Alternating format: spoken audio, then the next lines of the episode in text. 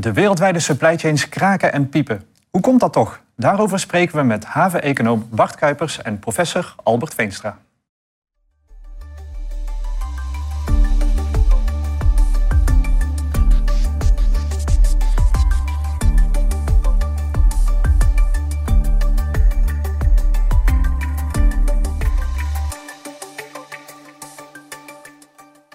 Goedemorgen en welkom bij een nieuwe aflevering van NTTV.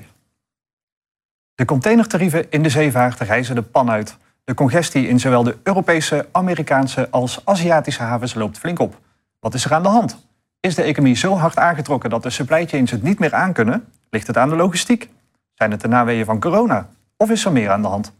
De gast zijn haven-econoom Bart Kuipers van het Erasmus UPT en hoogleraar handel en logistiek Albert Veenstra van TKI Dynalog en verbonden aan de Rotterdam School of Management. Heren, welkom.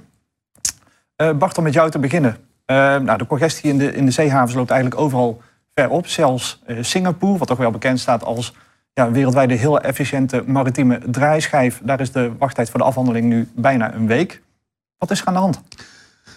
Ja, ik denk dat het heel erg gerelateerd is aan de naweeën van corona en dan vooral de rol van, van China.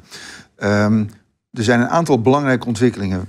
Wij als consumenten kunnen geen vakanties, vliegvakanties, wintersportvakanties boeken. Dus we zijn daarom massaal wat meer gaan consumeren. En dat uh, bestellen we via e-commerce. Dat komt voor een groot deel via containers naar, naar, naar de markt in Europa toe. Daarnaast is er een ja, toch een hele grote boom geweest van consumptie van elektronica, van medische apparatuur. We werken allemaal thuis. Dus er is inderdaad een hele grote vraag ontstaan. Um, nou, die vraag die is heel erg geconcentreerd in China. Omdat eigenlijk dat, dat nog steeds voor 30% verantwoordelijk is uh, als werkplaats van de wereld. Um, en dat betekent um, ja, dat die enorme boom aan producten um, heel veel uh, vraag heeft naar containers. En dat er bijvoorbeeld een groot probleem is aan lege containers, die eigenlijk wereldwijd nog in dat hele systeem zitten. Um, er is zo'n vraag bijvoorbeeld dat fruitexporteurs in Zuid-Afrika kunnen geen reefer-containers krijgen, omdat het meer oplevert om een reefer-container te vullen met gewone lading. Dus dat is. Nou, en dan uh, is er een heel belangrijk effect dat al die voorraden van die enorme. Eerst stop je met produceren omdat je denkt dat er geen vraag is. Dan ga je weer opeens heel snel produceren omdat die vraag er toch is. Ja, dat heeft allemaal enorme voorraadeffecten, opslingereffecten in de logistieke keten. Het, uh, het bullwhip-effect. Nou, het gecombineerde effect daarvan is ja, dat er een enorm overaanbod is, is aan lading. En ja, als China 30% meer exporteert, dan kan het wereldwijde containersysteem dat niet aan. Ja, want Albert, ja, je zou zeggen, uh, als wij allemaal laptops kopen, ja, als heel Nederland morgen een laptop koopt, dat zijn hoeveel zeecontainers? Ik denk met vijf zeecontainers kom je al een heel, uh, heel eind. Ja. Um, maar toch, ja, die supply chains lopen niet lekker. Je ziet de e-bike onderdelen worden niet aangeleverd. Uh, en videokaarten zijn uh, niet te krijgen. Uh, autofabrieken liggen stil vanwege tekort aan chips. Dus is het echt alleen maar de toegenomen e-commerce of is er meer aan de hand? Nou ja, e-commerce zal wel een rol spelen. En, en onze thuisconsumptie van boodschappen en weet ik wat allemaal. Maar de, de, wij, we hebben toch ook in de maakketens wel wat rare dingen gezien. stilvallen van fabrieken. Uh, uh, ofwel het, van de hoofdproductie, maar misschien ook wel in, in de lagen daaronder van, van componenten. Dat is toch wel iets wat, wat, wat bijzonder is. En, en ehm, waar we nu nog steeds last van hebben. Je, ziet hele ingewikkelde productiecomplexen met, met, met meerdere lagen van, van toeleveranciers. Waar, waar dingen in stilgevallen zijn. Uiteindelijk komt alles tot stilstand. En om dan weer op te starten nou ja, dan zie je dat er hele rare eh, dynamische effecten uh, ontstaan. Uh, en da daar zien we nu, denk ik, uh, inderdaad de naweeën of de, de, de golf van terugkomen in onze transport- en logistiekwereld. Want, want, hoe werkt dat dan precies? Want je zou zeggen dat iedereen toch wel enigszins inzicht heeft in. Stel, ik ben een e-bike fabrikant, ja. dan weet ik toch wel van, oh ja, ik heb een, een, een, een Shimano versnelling nodig, ik heb een, een accu nodig, ik heb een frame ja. nodig, ik heb twee wielen nodig en een paar banden. Nee. Nee. maar. Nee, blijkbaar uh, onder, onder collega's uh, bespeur ik toch wel een beetje een verzuchting van... Die, tuurlijk zijn die mensen onderdeel, die, die, die, heb, die genereren hun business als, door middel van zo'n supply chain. Maar ze snappen toch eigenlijk niet zo heel goed hoe die dynamiek nou precies werkt. En, en heel veel fabrikanten hier in Europa, die allemaal spullen uit, componenten uit China laten komen, die hebben het idee dat ze hun fabriek weer aan kunnen zetten en dat het dan allemaal weer soepeltjes loopt Dat is niet zo. Nee. En, uh, Bart, je had het net over ja, bullwhip-effect. Uh, je ziet dat ook terug in de, in de, in de havens, neem ik aan. Rotterdam, Antwerpen, ja, noem, noem alles maar op. Wat, wat, wat, kunnen zij eraan doen om ervoor te zorgen dat die afhandeling efficiënt blijft verlopen? En niet dat er opstoppingen ontstaan, dan weer niet, dan weer wel? Nou, ik vind het een systeemcrisis. Je moet het eigenlijk een beetje vergelijken met de oliecrisis eh, in, in, eh, in begin jaren 70 eh, of, of nog niet zo heel lang geleden. Als er een vervier of een vervijfvoudiging is van de prijs, als er een vervier of een vijfvoudiging is in de vertragingen en, en de, de extra doorlooptijden, ehm, ja, dan kunnen die havens aan zich er niet zo gek veel aan doen. Het is een veel breder effect uh, waar havens op moeten reageren.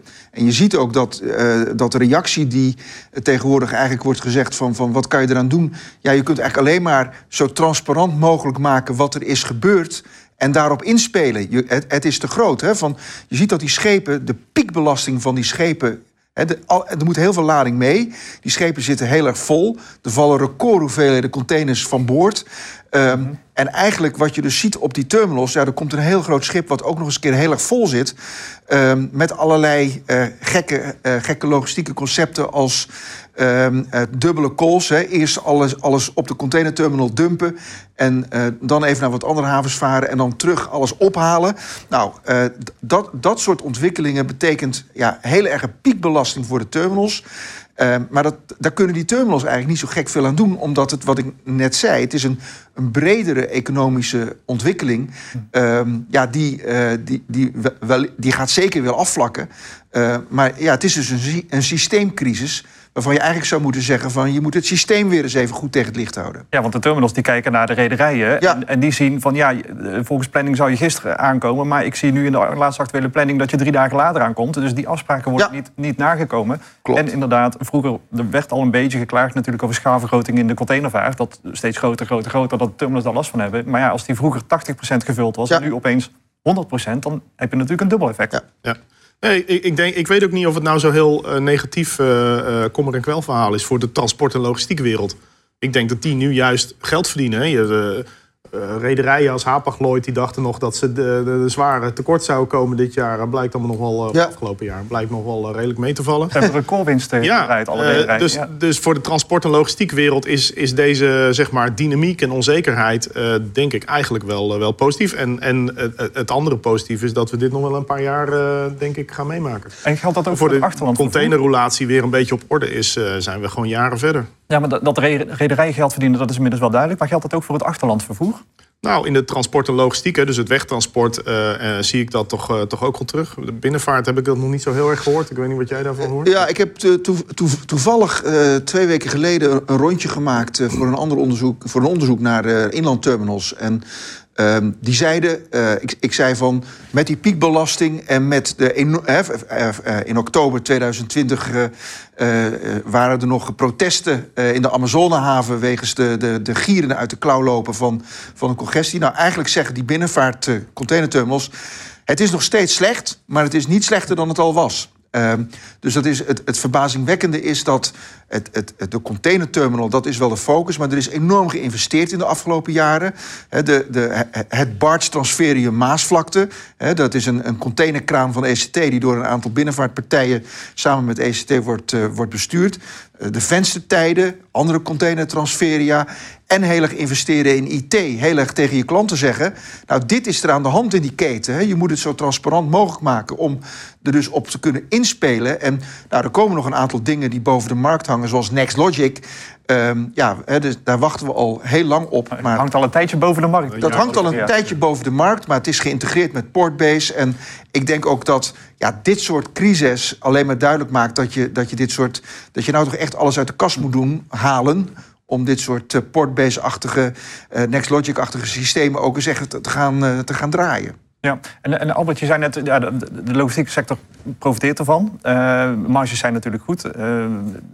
Tarieven, ja, en het is altijd wel een samenspel natuurlijk tussen verladers en, en logistiek. verladers willen nooit te veel betalen en logistiek nee. wil altijd wel genoeg hebben natuurlijk. hoe staan de verladers hierin? Uh, nou ja, kijk, ik denk dat is altijd dat is een soort, uh, hoe zeg je dat? Een soort boemerang altijd. Hè? Ik, denk, ik denk dat het goed is dat de transport- en logistiek sector uh, wat geld verdient.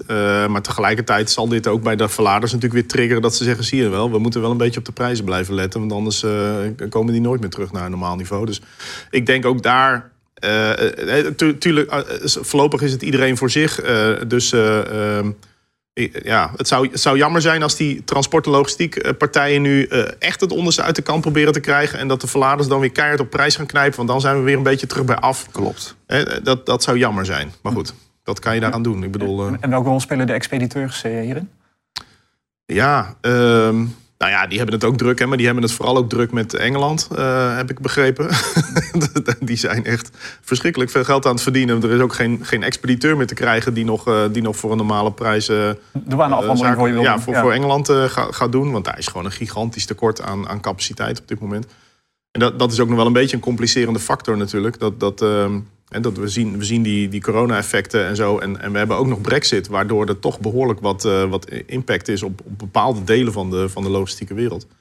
Ja, het is, wel, het is wel een interessante tijd. Het is een super interessante uh, tijd. Ja, en, ja. en je, je noemt die expediteurs. Ja, wat, wat voor mij een van de game changers is, is dat uh, DSV en, en, en bijvoorbeeld DHL uh, dat, dat die gewoon met uh, gewone vrachtscheepjes containers uh, ophalen uit, uit Singapore, uit Azië. En dan in een haventje als Moerdijk, met alle respect overigens voor Moerdijk. Maar dat, dat is nou niet de grootste containerhaven ter wereld. om Aziatische lading rechtstreeks te ontvangen. En dat je dat soort vernieuwing krijgt. Dat je met gewone vrachtschepen containers uit Azië hier naartoe brengt. Ja, dat, dat, dan denk ik echt gelijk al een soort disruptie in, in de hele containerlogistiek. En een soort, ja, hè, dat, dat, daar had het systeem niet aan gedacht. Dat als je dus, als het zo, zo de pan uitloopt, dat je het ook op deze manier kan doen. Maar denk je dat dat een, een, een structurele beweging gaat zijn? Of dat het misschien een incidenteel hiccupje is? Nou, misschien ook om, om aan te geven hoe... hoe mijn fantasie staat op hol. Hè? Want ik denk dat je dan, als je Amazon.com heet... en je wordt met dat gedrag van die structurele gedrag van die minder dan uh, 50% betrouwbaarheid... Uh, gemiddeld genomen als er een vertraging is... ga je al naar gemiddeld zes dagen van die grote containerlijnen toe. Dan zou ik zeggen van, goh, uh, de Belt and Road uh, zit ook vol. Uh, dan, dan, moet je toch naar andere dingen kijken. de noordelijke route is er natuurlijk ook nog, maar daar ben ik ook niet zo'n voorstander van. Dan zijn dit wel hele, hele interessante ehm, EasyJet-achtige ontwikkelingen zoals we die uh, eh, 30 jaar geleden, 40 jaar geleden meemaakten. Dus ik, ik, ik vind het wel iets waarvan ik waarvan mijn. Uh, uh, ik, ik switch de oren. Ja, ja ik, ik, moet een beetje denken aan een varkenscyclus. Ja. Kijk, want die, die, die, een containerschip van 25.000 teu zal natuurlijk altijd efficiënter en goedkoper een container van het Verre Oosten naar Rotterdam kunnen brengen. En ja, nu zijn de tarieven door het dak gegaan, maar dat is natuurlijk uh, een tijdelijk effect. Uh, want er komen natuurlijk weer van die grote containerschepen bij. En dan ja. is het dan handiger om als verlader zelf een, een vrachtschip te charteren... waar, ik weet niet hoeveel containers erop kunnen... maar misschien een paar honderd of een paar duizend. En die dat helemaal zelf gaan regelen... of dat toch aan de, aan de grote rederij Ik zie dat toch wel een beetje als een, een tijdelijk effect. Want het is natuurlijk leuk dat er geëxperimenteerd wordt in de sector... en uh, dat iedereen alle gekke dingetjes bedenkt. Maar ik denk toch dat, dat het systeem als geheel uh, wel weer terug naar een soort evenwicht gaat... Hè, waarbij we weer proberen dingen strak te trekken en, en te schedulen... en op, op tijd te komen. Of dat wordt in ieder geval weer een ambitie. Um, maar dat, dat gaat wel eventjes duren. En in de tussentijd krijgen we hele rare pieken en, en, en dalen, denk ik. En... en um, maar ik, ik, geloof toch wel dat het systeem daar wel naar op zoek gaat. Dat we niet, uh, niet, niet chaos blijven houden tot, uh, tot wij met pensioen gaan of zo. dat hoop ik tenminste niet. En waar zie je dan ook de meeste ruimte voor efficiëntie? Of gaan we gewoon weer terug naar waar we vorig jaar uh, voor de pandemie stonden? Ja, ik, ik, denk, nou ja, ik denk dat, dat de partijen wel een beetje gaan nadenken. In de supply chain, misschien moet je daar onderscheid maken. In, in de supply chains denk ik dat daar toch wel wat meer nagedacht wordt over... Um, uh, de, de, inrichting van supply chains als geheel. Hè? De, de, de, zeg maar de hele lean en, en uh, uh, ontwikkeling van, van grote volumes inzetten op, op, op, op, op, op, op unieke fabrieken in China of zo. Ik denk dat daar een hoop partijen wel over gaan nadenken of dat nou zo handig is. En of je niet wat moet balancen tussen Europa en, en Azië. Dus daar zul je wel wat, wat ontwikkelingen zien, denk ik. Je bedoelt de, de trend naar nearshoring, waar sommigen het over hebben? Ja, maar dat, ik, ik denk niet... Eh, nearshoring is heel ingewikkeld, hè, of reshoring. Want, want dat, supply chains zijn nou eenmaal vrij complexe netwerken van, van activiteiten. En je moet, uh, je moet echt hele activiteiten, uh, ketens moet je, moet je dan naar Europa gaan halen. Dat, dat zal wel niet meevallen. En er wordt veel over gepraat, maar er is niet zoveel echt bewijs dat het nou, dat het nou werkt. In, in de logistiek denk ik dat, dat, dat daar ook echt wel een discussie komt over capaciteit. Hoeveel, hoeveel vrachtcapaciteit hebben we nou nodig in de scheepvaart? Hè? Mm. Ik, er zou best wel eens een discussie uit kunnen rollen van ja, moeten we nou met 25.000 teusschepen aan de gang? Uh, of, of, of moet je toch een beetje terugschalen naar, weet ik veel, 18, 20.000 teus? Is dat groot genoeg? En hetzelfde in de, in de luchtvracht. Hè. Daar, is, daar is ook een grote discussie, denk ik, nodig. Om, om eens na te denken van hoeveel vrachtcapaciteit moeten we nou hebben? Willen we daar nou echt wel naartoe? Ja, vooralsnog levert een, een schip van 25.000 teu het meeste geld op op dit moment natuurlijk. Ja, maar goed, uh, als, je, als je met extreme pieken en dalen te maken hebt. Uh, en dan kan, kan ik me voorstellen dat je zegt, nou ja, we, we doen die investering voor 15, 20 jaar. Dus uh, twee, twee jaar een beetje rare pieken dalen, prima. Dat, dat handelen we dan wel. Maar da, daar zit ook een, een energietransitie-discussie die er, die er aan zit te komen. Dus ik denk dat dat toch wel wat strategisch zou moeten worden nagedacht over wat voor soort uh, vervoerscapaciteit hebben we nou nodig voor de komende 20, 30 en, en aan wie is die taak dan? Want een, een rederij die maakt gewoon een simpele rekensom. En een haven kan niet tegen een rederij zeggen van... hé hey, luister, het zou lekker zijn als jullie weer wat eh, kleinere schepen gaan bouwen. Dat is, maar ja, dat is misschien niet voor een andere uitzending... maar dat, dat is ook nog wel een interessante. Wie, wie dat gesprek nou zou moeten voeren. Ja, wij niet, denk ik in ieder geval. Nee, maar de rekensommen hè, van... van uh, ik heb genoeg artikelen gelezen van, van, van, uh, uh, waar gekeken is... wat is de optimale scheepsgrootte. Universiteit Antwerpen heeft daar veel onderzoek naar gedaan. En dan komen ze toch inderdaad 13, eh, 15.000 teu uit.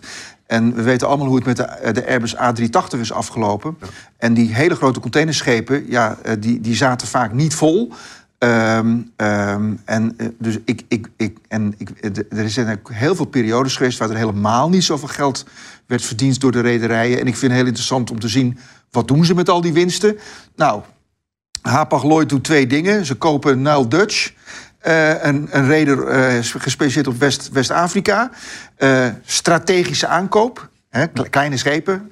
en, um, en, ze, en, ze, versterken hun balans. Want er komen andere tijden aan. En ik, ik heb ook nog een leuke slide liggen. waar een hele grote reder gratis containers van, Singapore, van Shanghai naar, naar Rotterdam verscheepte. Omdat ze nog een beetje aan de demergent detention en aan, wat uh, uh, adjustment factors, omdat ze daar nog wat geld aan verdienen. Dus er komen echt wel andere tijden. En je, we, noemen het al, hè, de varkenscyclus. Nou, als het met al die staatssteun, als we toch weer eens een hele andere periode ingaan, dan moet ik het nog zien. Ja, en als je ook een beetje macro-economisch kijkt, de verwachting is dat de economie straks na de pandemie toch wel weer een beetje gaat aantrekken. Um, gaan we dat ook terugzien uh, in de supply chains en uh, handel met China? Of ehm, gaat de economie vooral aantrekken op dienstenniveau? Nou, ik denk dat je toch ook wel wat.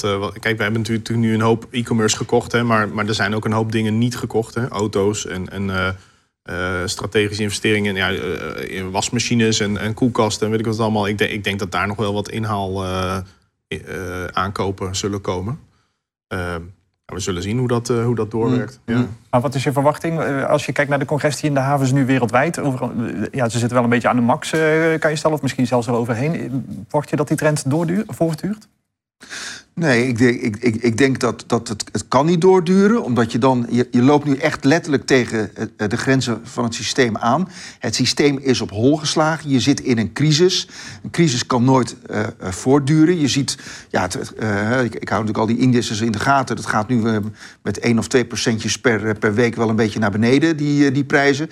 Maar 9000 dollar, 1 of 2 procent per week, dat, dat, dat duurt natuurlijk nog wel een tijdje door. Maar ik denk dat er dus inderdaad allerlei alternatieven komen en, het, en die alternatieven, die, die, dat is altijd samen. Hè? Dus op den duur wordt die vraag ingehaald. Uh, die 1900, uh, uh, die 1,2 of die 1,9 tril, triljard of triljoen, hè, wat in de Verenigde Staten gebeurt. Dat betekent dat we nog een paar jaar waarschijnlijk hele, hele positieve economische cijfers laten zien. Je bedoelt de, de stimmy checks. Dus, ja, precies. Maar op de lange termijn, dan hebben we natuurlijk de energiecrisis. En dan gaan we inderdaad uh, allerlei uh, verrekeningen van CO2 doen, dan ziet de wereld er toch heel anders uit. Dus je moet volgens mij kijken naar wat er de komende vijf jaar gebeurt en wat er richting uh, eh, 2030 50 gaat gebeuren. En ik, ik, Wat- ik wat denk echt wel dat, dat je toch naar een deglobalisering gaat. Ook al vanuit duurzaamheidsperspectief. En wat je zei, dat het, de diensten, we zijn aan het vergrijzen. Nou, figuren zoals ik. eh, eh, ik, ik, hoef, eh, ik, ben al ouder, ik, ik heb mijn midlife crisis is al achter de rug, dus ik heb niet een, een of andere gekke auto meer nodig. Ik heb diensten nodig. En de vergrijzende samenleving heeft diensten nodig. En dat zijn allemaal zaken die meespelen. Dat je inderdaad kan zien van nou, in samenlevingen als, als heel veel landen in West-Europa, ja, die, die consumptie van, van goederen, producten, die neemt wel een beetje af. En dat is niet, het stort niet in, maar die echte groei.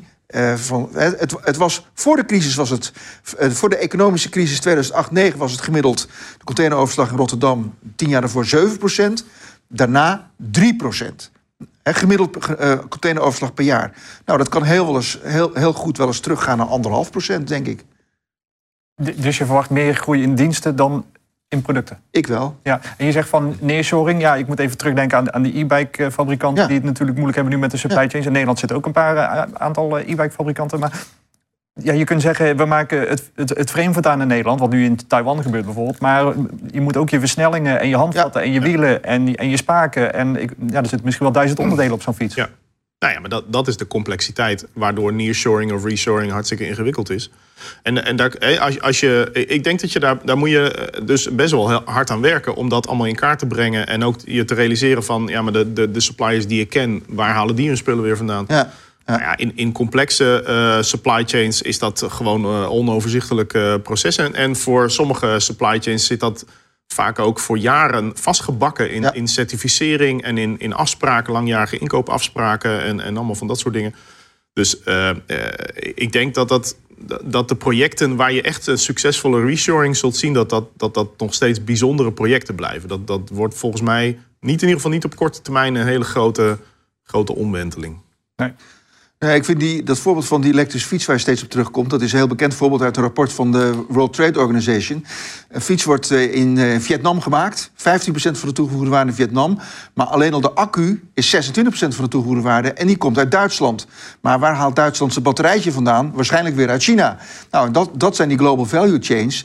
En ehm, een zadeltje, dat moet natuurlijk een lollig zadeltje uit Italië zijn... want eh, we gaan natuurlijk ook een beetje voor... eh, de derailleur komt uit Japan. Nou, en ik denk dat dat soort... Ik geloof niet in reshoring, ben ik het helemaal eens met, met, met, eh, met Albert. Maar ik geloof wel in near, nearsourcing. Dus dat je het in de randen van Europa doet, in Oost-Europa. En daar zie je ook dat de investeringen in Hongarije, Polen... vooral ook bijvoorbeeld Hongarije eh, en, en Tsjechië... voor de Duitse auto-industrie als toeleveranciers... ja, dat is booming. En ja, die hele auto-industrie... bij mij in de straat hier een paar honderd meter verder... eh, opeens staan er ongelooflijk veel van die Volkswagens eh, i3, i4... Eh, waar ze vandaan komen, eh, ik, ik weet het niet, maar het gaat wel heel snel, moet ik zeggen. En dan schijnen het ook nog, eh, ja, de software is een ramp, maar toch worden ze gekocht. Ja, de, de beurswaarde van Volkswagen is de afgelopen Ja. paar weken verdubbeld bij. Ja, precies. Dus er, er gebeurt wel wat. En het is een totaal ander product. eh, met andere grondstoffen, met batterijen. Eh, ja, dat, de, dat, dat, dus die automotive industrie, die is op dit moment enorm aan het investeren. Eh, nou, de, de beroemde fabriek eh, van, van Tesla bij, eh, bij Berlijn, dat laat ook al zien in de hele Volkswagen-strategie. Ja. Ja, Maar, jawel, hè, maar ze hebben zich toch ook vergist in die chips. enorm. Dus, dus Ja. om nou te zeggen dat ze het echt helemaal goed voor elkaar hebben... Ja, wordt nog wel wat leergeld ja, betaald. Ja, dat denk Ja. ik wel. Ja. En eh, tot slot, eh, Bart. eh, als ik nu als eh, transportondernemer echt geloof in, in nearshoring... en ik zie signalen, ik weet niet of het zo is... maar stel, dat gaat steeds meer komen. Wa- Waar moet ik dan, in welk mandje moet ik dan mijn eieren stoppen? Nou ja, het Nederlandse bedrijfsleven, logistieke bedrijfsleven, was een van de eerste die massaal in Oost-Europa zat. En kijk, ik, ik denk dat, dat wat heel belangrijk is, is dat je strategisch moet, moet denken dat. Eh, spoorvervoer heel belangrijk is. Ik, ben op dit moment bezig met een eh, betrokken bij een initiatief om al dat fruit wat, van de hele wereld komt na- naar Nederland in de Greenports... om te kijken of dat per spoor van, eh, van de Rotterdamse Haven Rail Service Centrum... naar Berlijn en omgeving zou kunnen. Nou, dat is nu hartstikke moeilijk. Maar de wereld verandert en dat komt eraan. Dus ik denk dat je heel erg moet zoeken als ondernemer... van hoe kan ik toch, nu is het riskant, maar intermodaal... spoor, binnenvaart, hoe kan ik me daar eh, op onderscheiden? En hoe kan, ik, eh, hoe, kan ik daarop investeren? Want ja, dat die logistiek met de Europese Green Deal er heel anders uit gaat zien dan nu... dat staat, eh, staat voor mij wel als een paal boven water. Ja. Uh, Albert, uh, verstandig besluit, denk je? Ja, ik, ik denk Europa blijft, uh, blijft belangrijk. En, en uh, ik denk dat een heleboel partijen uh, die al in Europa. dat, we, dat we echt serieus naar, naar de Europese markt en de Europese mogelijkheden moeten blijven kijken. En daar speelt multimodaal vervoer een belangrijke rol in. daar speelt ook de, de kennis van Duits, om maar eens wat te noemen, ja. een belangrijke rol in. Dus ik, ik denk dat we daar nog wel wat, wat huiswerk hebben. Ja, ja helder. Haven-econoom Bart Kuipers, professor Albert Veenstra, dankjewel voor dit gesprek. Graag, graag gedaan. Dit was NTTV voor deze week. Over twee weken zijn we er weer. Graag tot dan.